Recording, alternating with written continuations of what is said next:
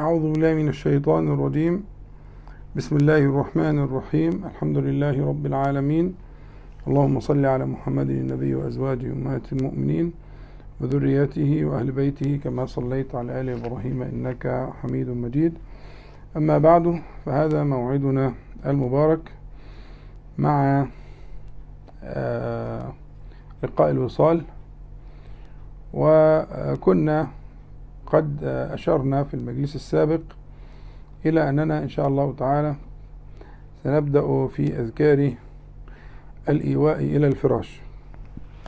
أذكار الإيواء إلى الفراش. وقدمنا بمقدمة عن وظيفة النوم. ولعلنا إن شاء الله تعالى نعود فنزيدها بيانا وإيضاحا كلما دعا الأمر. آه والليلة آه نتفكر معا في معنى في معنى الإيواء. معنى الإيواء في القرآن والسنة. الإيواء في القرآن والسنة ذكر كثيرا يعني عشرات المرات يذكر معنى الإيواء في القرآن والسنة.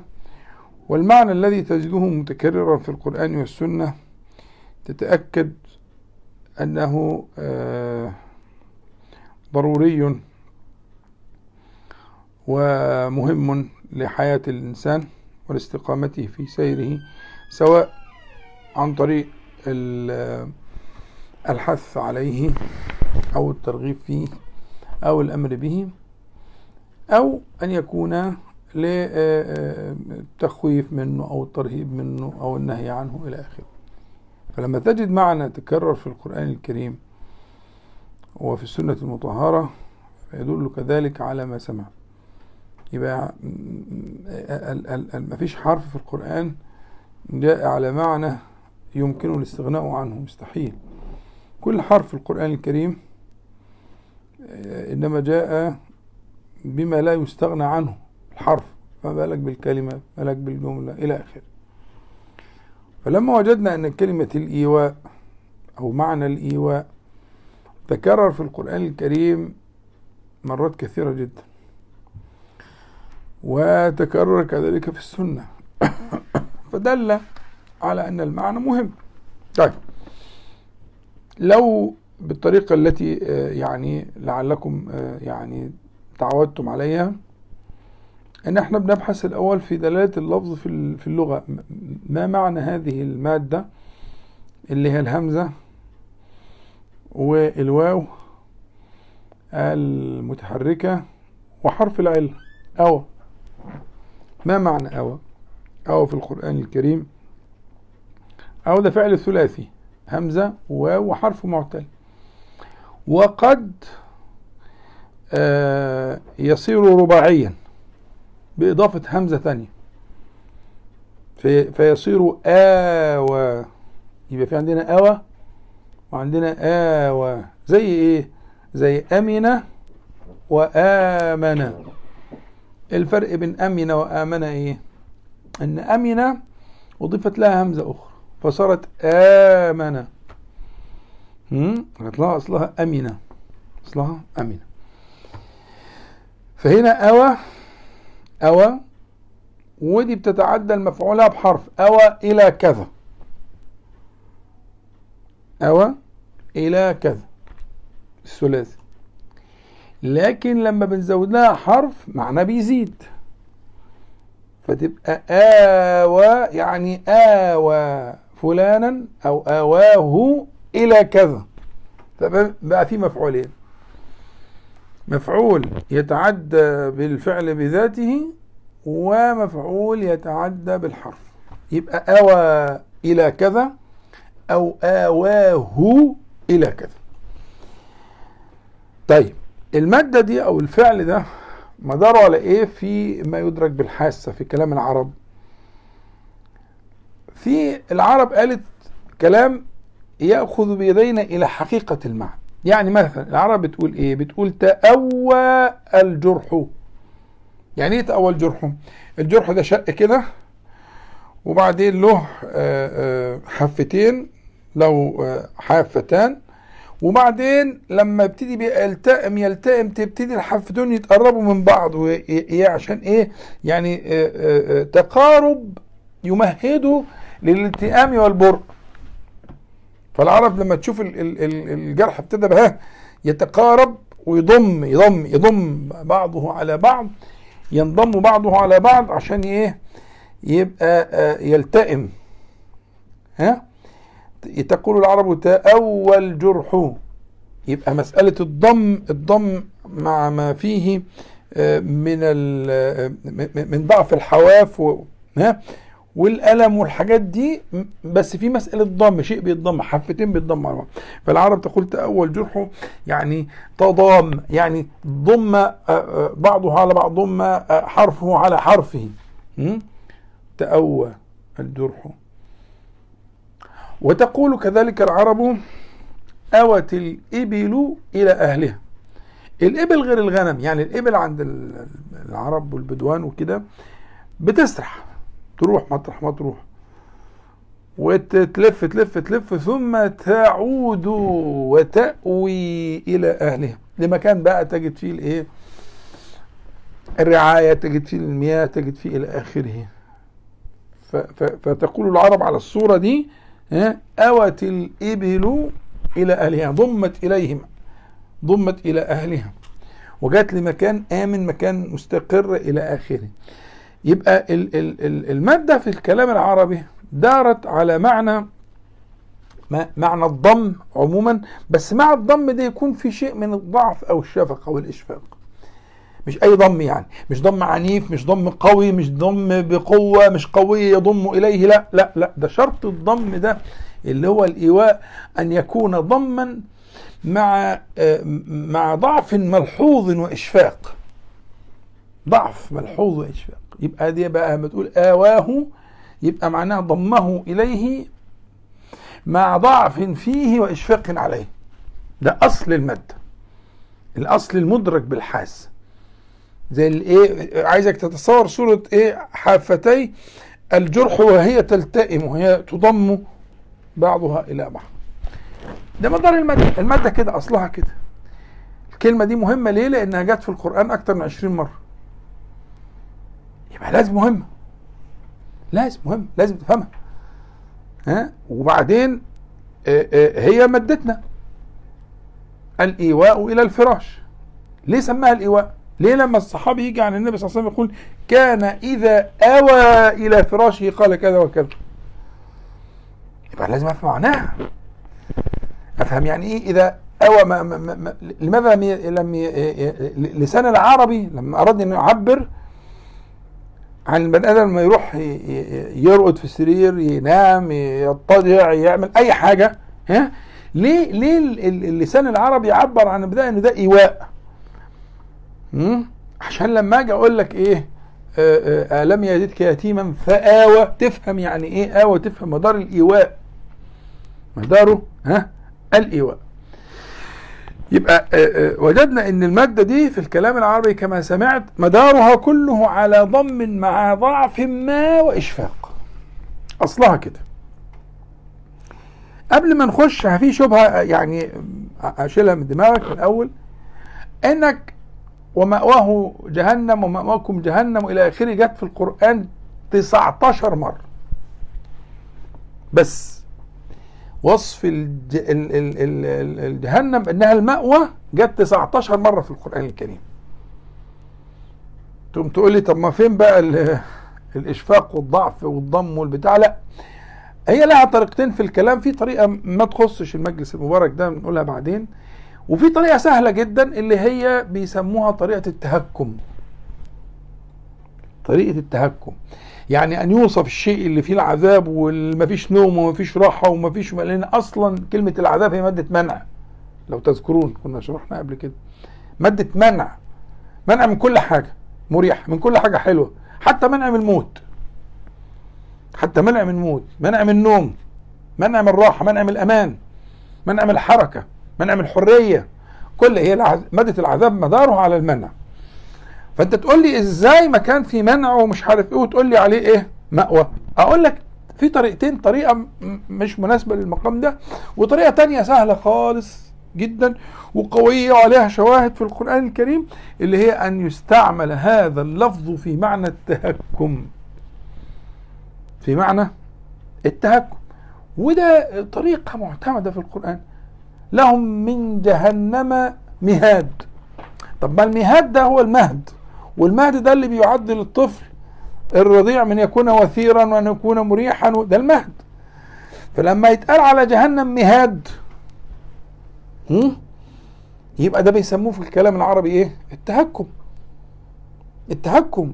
يعني زي ما هم بيسخروا منكم دلوقتي حي وقت أنتوا تسخروا منهم. ها؟ لما ينتقم ربنا سبحانه وتعالى من الظلمة والمجرمين والكفار المعذبين للمسلمين والموحدين وإلى آخره يقال لهم ذق إنك أنت العزيز الكريم. هو عزيز وكريم؟ إنما يقال ذلك له تهكما. يبقى لما تيجي تلاقي ان الكلمة بتاعتنا دي المأوى جت في القرآن تسعة عشر مرة بمعنى مأواهم جهنم آه إلى آخره ومأواكم المعداء وكده يبقى الغرض منها إيه؟ الغرض منها في الطريقة التي آه اخترتها لك آه، آه، التهكم. في طريقة تانية بس ما تخصكش. اسمها سهلة جدا وقريبة جدا. لأن أنت مثلا في سورة النزعات الاثنين موجودين. فإن الجنة هي المأوى. طب ما هي موصوفة هنا وفي الثاني فإن يبقى في وصف وصف المأوى هنا هنا في في مقابلة. دي حقيقة ستكون الجنة مأوى كما وصف الله سبحانه وتعالى في غير موضع في القرآن الكريم. أما أن يكون النار فيها معنى الضم الخالي عن معنى الضعف والإشفاق. خالي عن كده. دي طريقة. بس الطريقة الأسهل أن نخليها على أصلها. كما يقال للجهنم للجهنم والعياذ بالله عاذنا الله وإياكم يقال لها مهاد. مهد. ما ما خليها على معنى التهكم كويس وقريب وعشان ما تغلق عشان بس أنا قلت الملحوظة دي عشان ما أشغلكش معايا في إيه؟ في, في الطريق اللي هنمشي فيه. الطريقة اللي هنمشي فيه إن إحنا المادة دي مادة اوى والإيواء وكان إذا أوى إلى فراشه صلى الله عليه وسلم المادة دي كلها مدارها على ضم مع ضعف ما وإشفاق. وهتلاقي القرآن الكريم دارت المادة في المواضع الكثيرة التي جاء فيها على هذا المعنى. بس قبل ما نذكر المواضع التي جاء فيها أنا عايزك تفكر معايا في هل يمكن أن يخلق المخلوق الذي خلقه الله تعالى كائنا من كان أن يخلو المخلوق عن تلك المعاني اللي هي الحاجة إلى الضم مع ما يعتريه من ضعف ما وحاجته إلى الشفقة والإشفاق عليه؟ في الحقيقة مستحيل. يعني من خصائص التكوين البشري أن, أن الإنسان يحتاج دائما إلى المأوى إلى أن يجد أن يجد ما يأوي إليه. يجد ما يأوي إليه. بس هي المشكلة في إيه؟ في الموفق السعيد من يوفق إلى الركن الركين الذي يأوي إليه. والتعيس المشؤوم هو الذي يوكل إلى ما لا يركن إليه فيأوي إليه.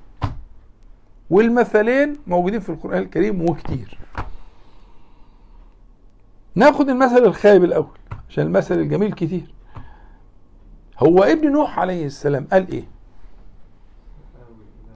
آه سآوي إلى جبل يعصمني من الماء.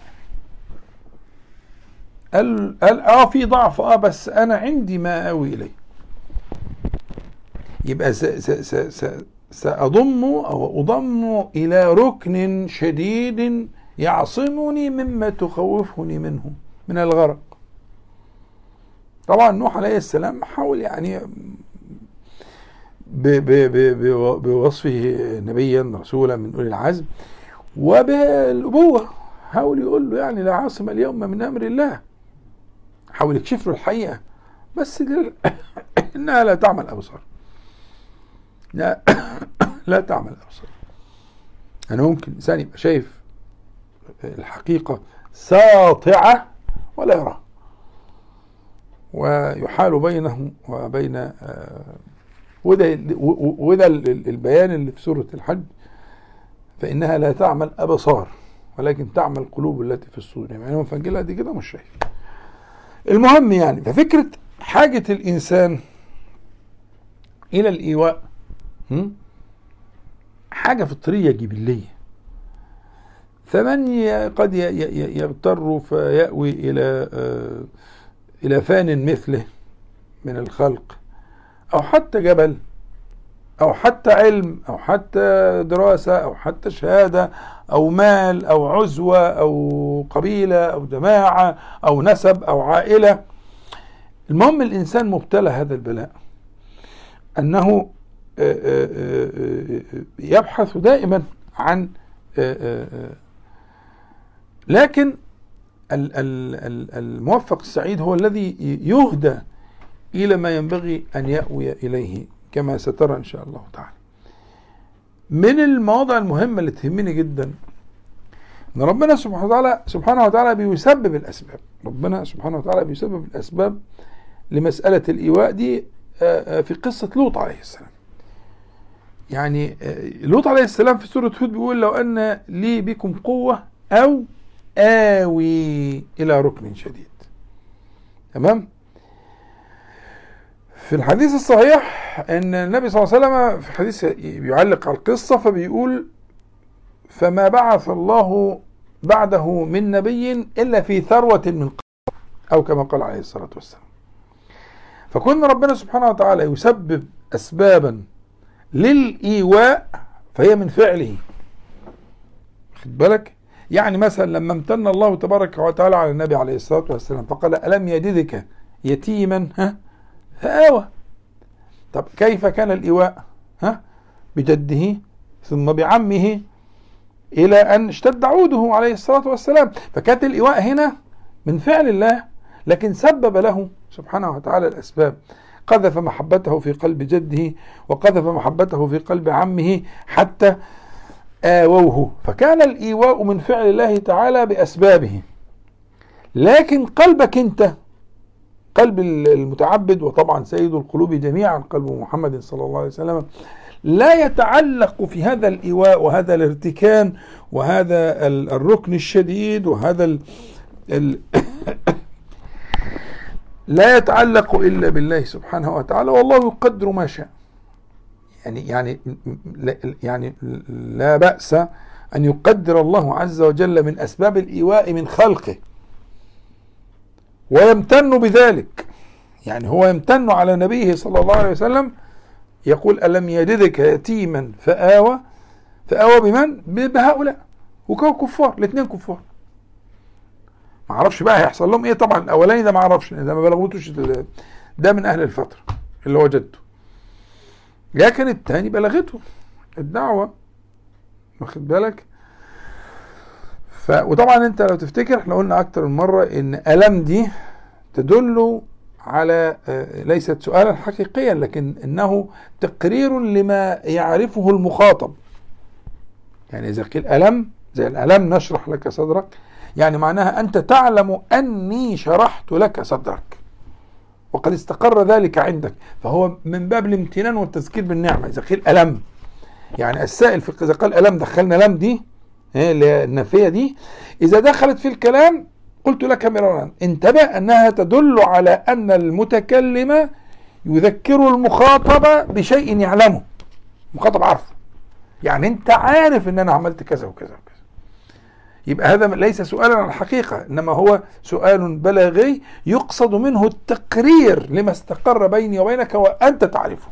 معناها كده. فإذا قيل في قوله تعالى ألم يجدك يتيما فأو يعني أنت عارف أنك كنت كذا وكذا وكذا وقد سبب لك الأسباب فإن الله يمتن عليك ها بذلك.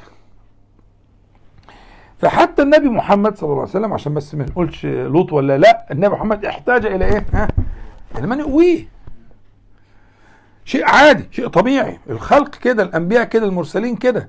فمسألة فكرة الحاجة المستمرة إلى الإيواء تدلك على الخطر إذا فقد الإنسان المأوى. ده اللي هيدخلنا بقى في الذكر بتاعنا الليلة إن شاء الله. اللي هي فكرة إنه يعني سيفقد ما لا يصبر أحد على فقده اللي هو المأوى. سواء إذا كان مأوى نفسي أو مأوى مادي والاثنين مطلوبين. يعني الرعاية النفسية الرعاية النفسية لا تقل خطورة وقيمة عن الرعاية المادية. الأكل والشرب والنوم وكده. طبعا مهمين جدا. لكن الرعاية النفسية الإيواء النفسي السكينة تطمين ها؟ يعني ممكن الإنسان لو لو لو ساومته يقول لك طب قلل شوية بالأكل بس اديني إيه؟ ها؟ اديني سكينة واطمئنان وركون وسكن قلبي. وخد نص أكل. أصبر على الجوع لكن لا أصبر على الحاجة التي أفتقدها إلى من آوي إليه. انت بالك؟ ففكرة الإيواء والتركيز على اللفظ ده في السنة كان إذا أوى إلى فراشه أو في الذكر الثاني اللي هو إن شاء الله هو ده الذكر اللي هن هنقوله بإذن الله. النبي صلى الله عليه وسلم يقول فكم ممن لا ممن لا كافي له ولا مؤوي. يعني أنا بقول الكلام ده ليه؟ أو بيعلمني النبي عليه الصلاة والسلام الكلام ده ليه؟ عشان لما أقول أفتكر قيمة النعمة دي. الحمد لله الذي أطعمنا الحمد لله الذي أطعمنا وسقانا وكفانا وآوانا. هشرح كم كله إن شاء الله. ها؟ الحمد لله الذي أطعمنا وسقانا وكفانا وآوانا. الحديث كده ما خلص الحديث فيه النقطة اللي بنبهك ليها. بيت الحديث إيه؟ فكم ممن لا كافي له ولا مؤوي. حديث في مسلم. كان إذا أوى إلى فراشه. هشرحه إن شاء الله بالتفصيل. بس الفكرة أنت فاهمها؟ ليه النبي صلى الله عليه وسلم يقول فكم ممن لا كافي له ولا موي عشان التذكير بالنعمة. ومن سبل التذكير بالنعمة آه، مطالعة الفاقد لها. تذكره. استحضار من فقد ذلك. واخد بالك؟ زي نعمة الأمن مثلا. والأمان. لما يمتن الله سبحانه وتعالى على قوم بذلك والناس يتخطفون من حولهم. تذكير تذكير تخطيف الناس من حولهم ها؟ عشان بيان قيمة النعمة اللي انت فيها. ها؟ من بات آمنا في سربه معافا في بدنه عنده قوت يومه فقد حيزت له الدنيا بحذافيرها يعني ما فيش حد يزيد عنه. فالتذكير التذكير بالأشياء دي مهم جدا للإيمان لتحقيق الإيمان في قلبك. خلي بالك الأذكار اللي هي بتتكرر باستمرار سواء دبر الصلوات وإحنا خلصناها الحمد لله أو في الصلاة نفسها طبعا ده الأول. أو دبر الصلوات أو في طرفي النهار والحمد لله خلصناها. ها؟ وبندرس بقى في في أذكار النوم. الأشياء المتكررة حاجتك لها لا تنقضي حتى تلقى ربك. يعني مش معناها مثلا خدت مثلا مرة ولا حاجة خلصت. لا. طالما في نفس طالما أنت تحتاج إلى أن تقول ها؟ آه، آه، الحمد لله الذي طعمنا وسقانا وكفانا وآوانا. وتقول فكم ممن لا كافي له ولا مؤمن. وأنت لست في غنى عن عن ذلك. ولا تستطيع تركه. لا تستطيع أن تتركه. أنت محتاج إنك تقول كده. وزي ما فهمتك في الأذكار واتفقنا من اول عهد من اتفقنا مع بعض إن أذكار يعني تنطق بلسانك وتسمع ودانك. غير كده ده اسمه فكر مش ذكر. إن لم تسمع ما تقول فأنت تتفكر. ماشي تفكر براحتك. أنا ما عنديش إشكال بس أنا أكلمك في الذكر مش في الفكر. ذكر يعني تسمع اللي بتقوله الجهر بقى يعني غيرك يسمع. اللي جنبك يسمع. وده الفرق الضابط بين الجهر والإسرار. وبتغي بين ذلك سبيلا. سمع نفسك. هتقول انت ليه ليه تكرر تكرر على أسماعك كلما تأوي خلي بالك من كلمة تأوي دي. كلما تأوي إلى فراشك ها؟ إنك تقول لنفسك الكلام ده وتسمعه بودانك الحمد لله إطعمنا سقانا وكفانا وآوانا ها؟ فكم ممن لا كافي له ولا مؤوي فتذكير بنعمة الله تعالى بهذه الطريقة تحقيق للفكرة. المهم أنا قفزت للحديث ولكن هو تقريبا المعاني اللي في القرآن الكريم آه، متكررة وآويناهما إلى ربوة برضو عيسى و... وأمه آه، عليهم السلام. واخد بالك؟ فكرة الإيواء مذكورة في القرآن كتير جدا زي ما قلت لك آه، مواضع كتير كلها. حتى في قصة يوسف عليه السلام مرتين وآوى إليه أخاه آوى إليه أبويه إلى آخره. فمسألة الإيواء والدخول في في الحضن الدافي إذا صح التعبير في السكينة في الاطمئنان في, في الكفاية في الرعاية لأن لازم يكون فيها معنى الضعف والإشفاق. وأنا مش عايزك تنسى الفكرة قلت لك عليها في الأول اللي هم آه، طرفا الجرح وهو إيه؟ يضم بعضها إلى بعض تضام وتتقارب تمهيدا للبرء الصورة دي مع الراحة اللي بتحصل مع ذهاب الخوف مع إن خلاص ما فيش الجرح ده مش ما, ما حصلش فيه مضاعفات ما حصلش فيه صديد وبتاع ابتدى يقفل وهيبقى جلد مستوي وإلى آخره. هذا التضام والتقارب مع ما فيه من الضعف والشفقة تقول تأوى الجرح. تأوى الجرح يعني إيه ده الإيواء. الإيواء مداره زي ما قلت لك على الضم مع ما في هذا الضم من الضعف والإيه؟ والشفقة فيضمك الله تعالى إلى ما يقوي ضعفك. يضمك الله تبارك وتعالى إلى ما يكون فيه شفقة عليك إلى آخره. دي معنى الإيه؟ معنى ال ال الباب الامتنان. وزي ما قلت لك إن دي حاجة أصيلة في الإنسان. يعني مفيش إنسان يستغني عن ذلك. ولو استغنى أحد لاستغنى الأنبياء والمرسلون. لكن أن يمتن الله تبارك وتعالى ها على الأنبياء والمرسلين بذلك يدل أن أمر لا لا يخلو منه إنسان. لا يخلو منه إنسان. وقد صرح النبي صلى الله عليه وسلم بذلك. حديث اللي عند أحمد في المسند من طريق آه، جابر جابر بن عبد الله. رضي الله عنهم. اسمه مهم جدا. لما جالوا النقباء بتوع الأنصار واخد بالك؟ فقال لهم إيه؟ كلمتين. قال لهم عليه الصلاة والسلام قال لهم كلمتين اتنين. المطلوب منكم حاجتين. إيه هما؟ تؤوني وتمنعوني. تؤوني وتمنعوني. فهم قالوا له إيه؟ قالوا له فما لنا؟ يعني إذا فعلنا ذلك فما لنا قال لكم الجنة. فالنقباء لما جم للنبي عليه الصلاة والسلام هو طلب منهم طلبين محددين. لأن بعد كده في بدر لما الموضوع اتغير كان في بيعة تانية. لكن البيعة الأولى التي هاجر بها النبي صلى الله عليه وسلم كان فيها حاجتين. إيه هما؟ الإيواء ها؟ والمنع. طب المنع مفهومة. يعني تمنعوني تمنعوني مما تمنعوا منه نساءكم وكذا. اللي هي الرعاية الحفاظ. ما حدش يقرب ناحيته حدش يتجاوز ما حدش يجي يقاتل يعمل يسوي. هنا ندفع عنك. إذا جاءك أحد ندفع. ده المنع. ده المنع. مظبوط؟ يبقى تؤوني معناها إيه؟ إذا كانت المنع أن هنمنع عنك ما تكرهه ما يضرك ما هو النبي هم دول العرب فاهمين. مش زيكم. يعني هو لما النبي صلى الله عليه وسلم يقول لهم كده هم فهموا كل حاجة. الكلمتين دول كافيين خالص إن هم يفهموا. يفهموا العقد ده. ده عقد. عقد. له طرفين. وفي عوضين.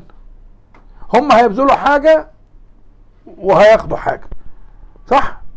هيبذلوا حاجة اسمها تمنع تؤوني وتمنعوني. وهياخدوا حاجة اسمها إيه؟ ها؟ الجنة. ونعم. ربح الفايق صح؟ حلو قوي العربي فاهم كويس قوي هم فاهمين كويس جدا. مم؟ معنى كلمة تؤوني معنى تمنعوني. بدليل لما النبي صلى الله عليه وسلم آه، آه، آه، استنطقهم في بدر وتكلم أبو بكر ثم تكلم عمر والنبي صلى الله عليه وسلم يستنطق القوم. فكأن الأنصار فهموا إن هم الإيه؟ المعنيين لأن العقد هيتغير إن هم هيقاتلوا. وخارج المدينة. وكان العقد الأصلي مشتمل على إيه؟ ها؟ على الإيواء والمنع. لكن الجهاد ما كانش موجود. القتال ما كانش موجود. صح؟ حلو قوي وهم خارجين في بدر للعير مش للقتال. يعني حتى خروجهم من بيوتهم حتى ما كانوش مستعدين ما كانش عندهم الأسلحة ولا الحاجة اللي هي بتاعت حرب يعني. فكانوا خارجين عشان ياخدوا حقهم أموالهم اللي نهبت والحاجات اللي اتسابت كانوا بيشترطوا عليهم يسيبوا كل حاجة. وبعضهم كان بيسيب من غير شرط عشان يفروا بدينه فسابوا أموال وضياع و... ومواشي و... و... وخيل وكل حاجة سابوا كل حاجة. اللي بيهرب بيهرب بجلده. والمجرمين خدوا كل ده. وعملوا به رأس مال ضخم جدا. وطلع ابو سفيان تاجر بيه وكده القصة المشهورة أنتوا عارفينها. فهم خارجين للعير ياخدوا حقهم أموالهم. أو ما قالوش قالوا ياخذون بعض أموالهم. تمام؟ تغيرت المسألة وصار بقى إيه؟ بقى في نفير بدل العير بقى في قتال بدل مش عارف إيه.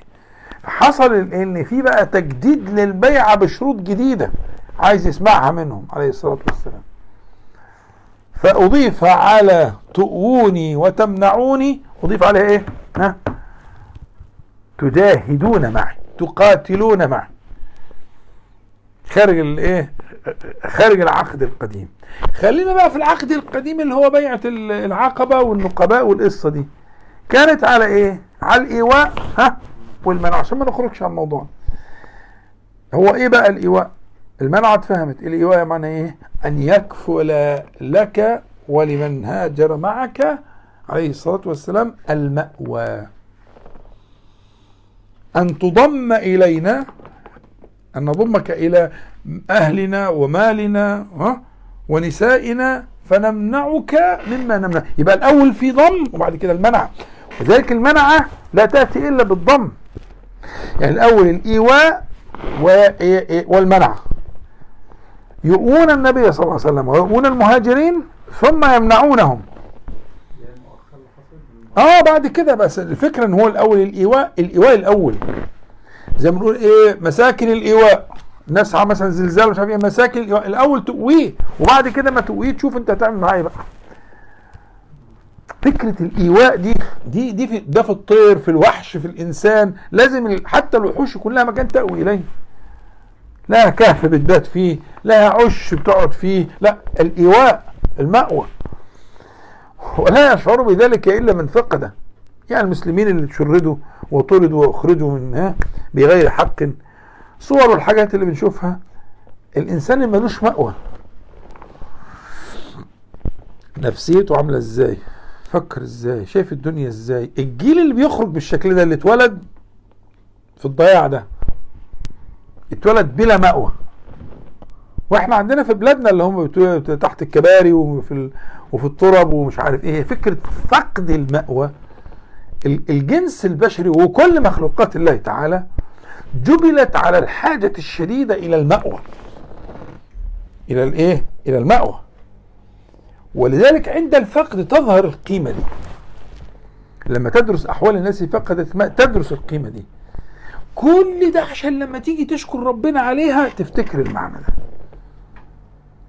واللي حركني لكده هو قوله عليه الصلاة والسلام فكم ممن لا كافي له ولا مؤوي كتير. كم دي للتكثير؟ مش كم للتقليل أو للسؤال. لا. عايز يقول كده عليه الصلاة والسلام. خلي بالك هتلاقي حواليك بص كده كده كده هتلاقي من لا كافي له ولا مؤوي فاحمد ربنا على النعمة اللي انت فيها. انه إيه؟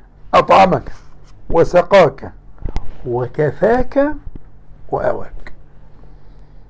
ما تنساش اواك دي عشان انت تأوي إلى الفراش. في غيرك مش لاقي النعمة دي ومحروم منها. ممكن يكون عنده اموال كتير بس محروم ان يأوي إلى مكان آمن ويسكن فيه. ويجد الطمأنينة والسكينة وينام مستريح البال. تمام؟ إذا فهذا المعنى حصل الاهتمام به لكثرة وروده في القرآن والسنة. كثير جدا. وامتنان الله تعالى به على أنبيائه ورسله حتى على سيدهم صلى الله عليه وسلم. ها؟ فامتن الله تعالى على خلقه جميعا وعلى آه، آه، أنبيائه ورسله فبان لنا خطر هذا الفضل هذه القضية. يبقى الذكر اللي هنلتزم به إن شاء الله من من هذه الليلة. حديث الذي رواه آه، مسلم في صحيحه من طريق جابر رضي الله عنه أن النبي كان إذا أوى إلى فراشه قال الحمد لله الذي أطعمنا وسقانا وآوانا وكفانا وآوانا. أربع حاجات. الحمد لله أطعمنا وسقانا وكفانا وآوانا. فكم؟ هيقول كده برضه. فكم ممن لا كافي له ولا مول. أطعمنا وسقانا مفهومة. مفهومة. كفانا لم يذكر المفعول بها. مفعول فأطعمنا بالطعام وسقانا الماء. السقي فالمفعول هنا مش محتاج ذكر.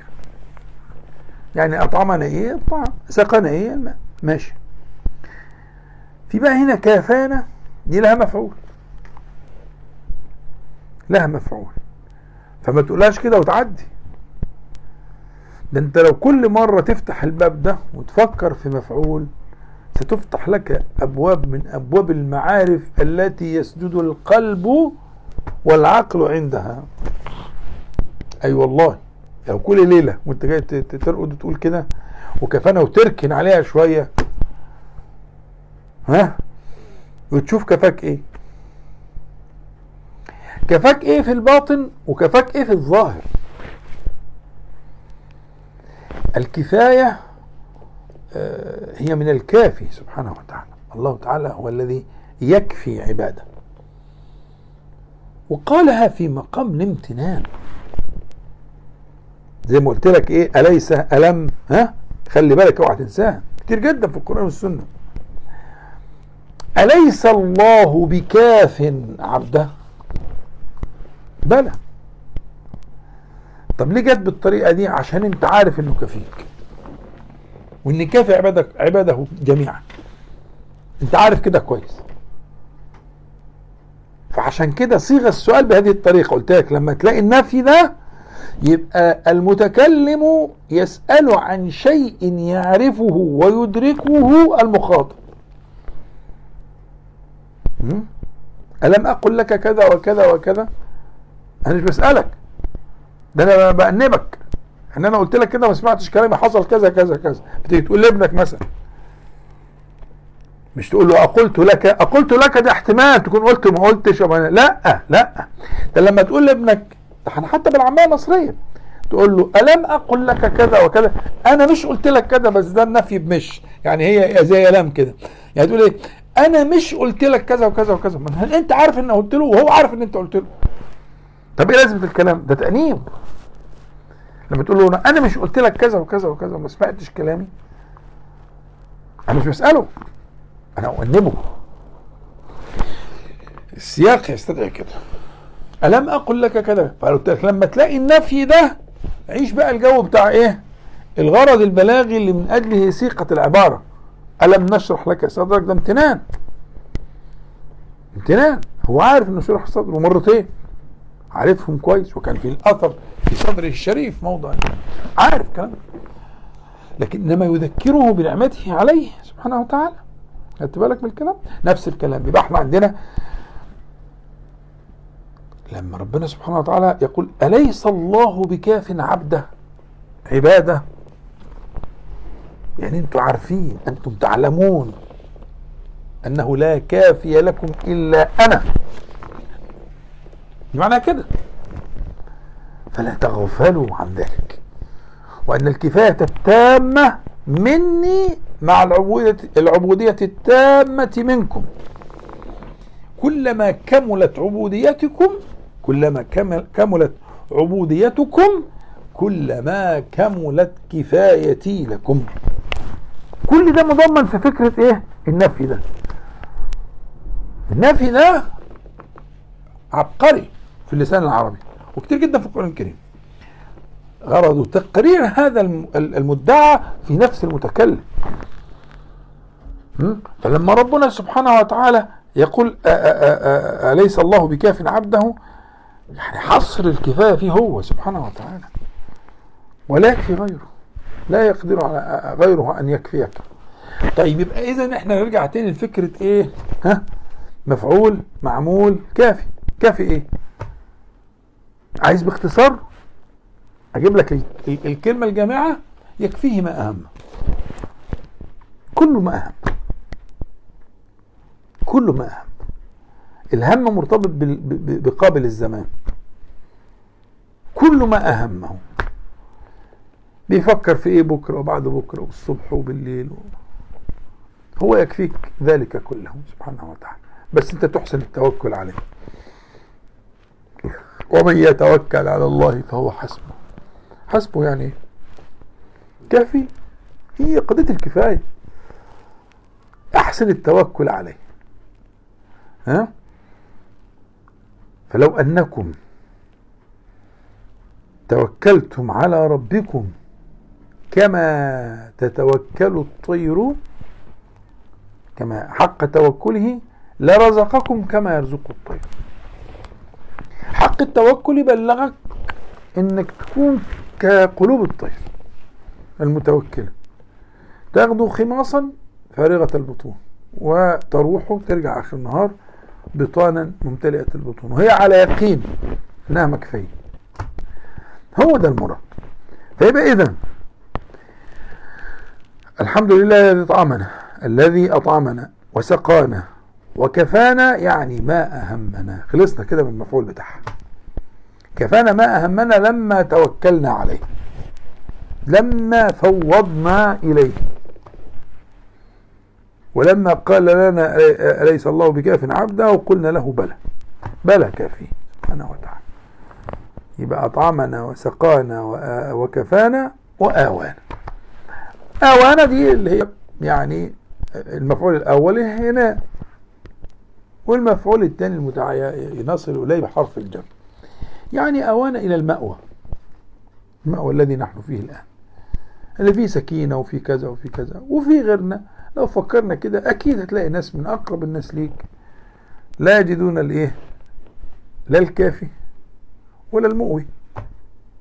صح؟ ده بدليل كلام النبي صلى الله عليه وسلم. فكم ممن لا كافي له ولا مؤمن هو بلاء شديد. لا يجد لا كافيا ولا يجد مؤويا.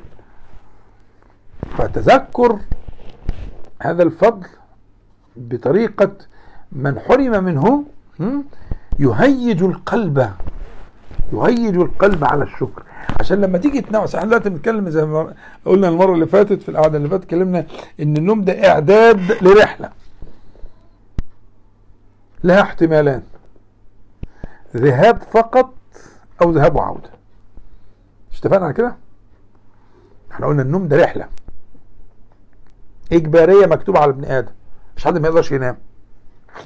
هيقول لك إيه خبر مش عارف إيه ووجد الرجل لا ينام. في مش عارف مقاطعة إيه في كل ده كلام أونط مستحيل. مستحيل. إن في مخلوق لا ينام. مش بني آدم. مخلوق لا ينام. له روح ولا ينام. مستحيل. وإلا ما كان آآ آآ على مقام الثناء على الله تبارك وتعالى لا تأخذه سنة ولا نوم. فعش لازم الإنسان تجيله لحظة ضعف ينام فيها. فاتفقنا يا اخوانا إن أذكار النوم اللي هندرسها دلوقتي إن النوم ده رحلة. ده كل ما بتيجي تنام بتقطع تذكرة لهذه الرحلة.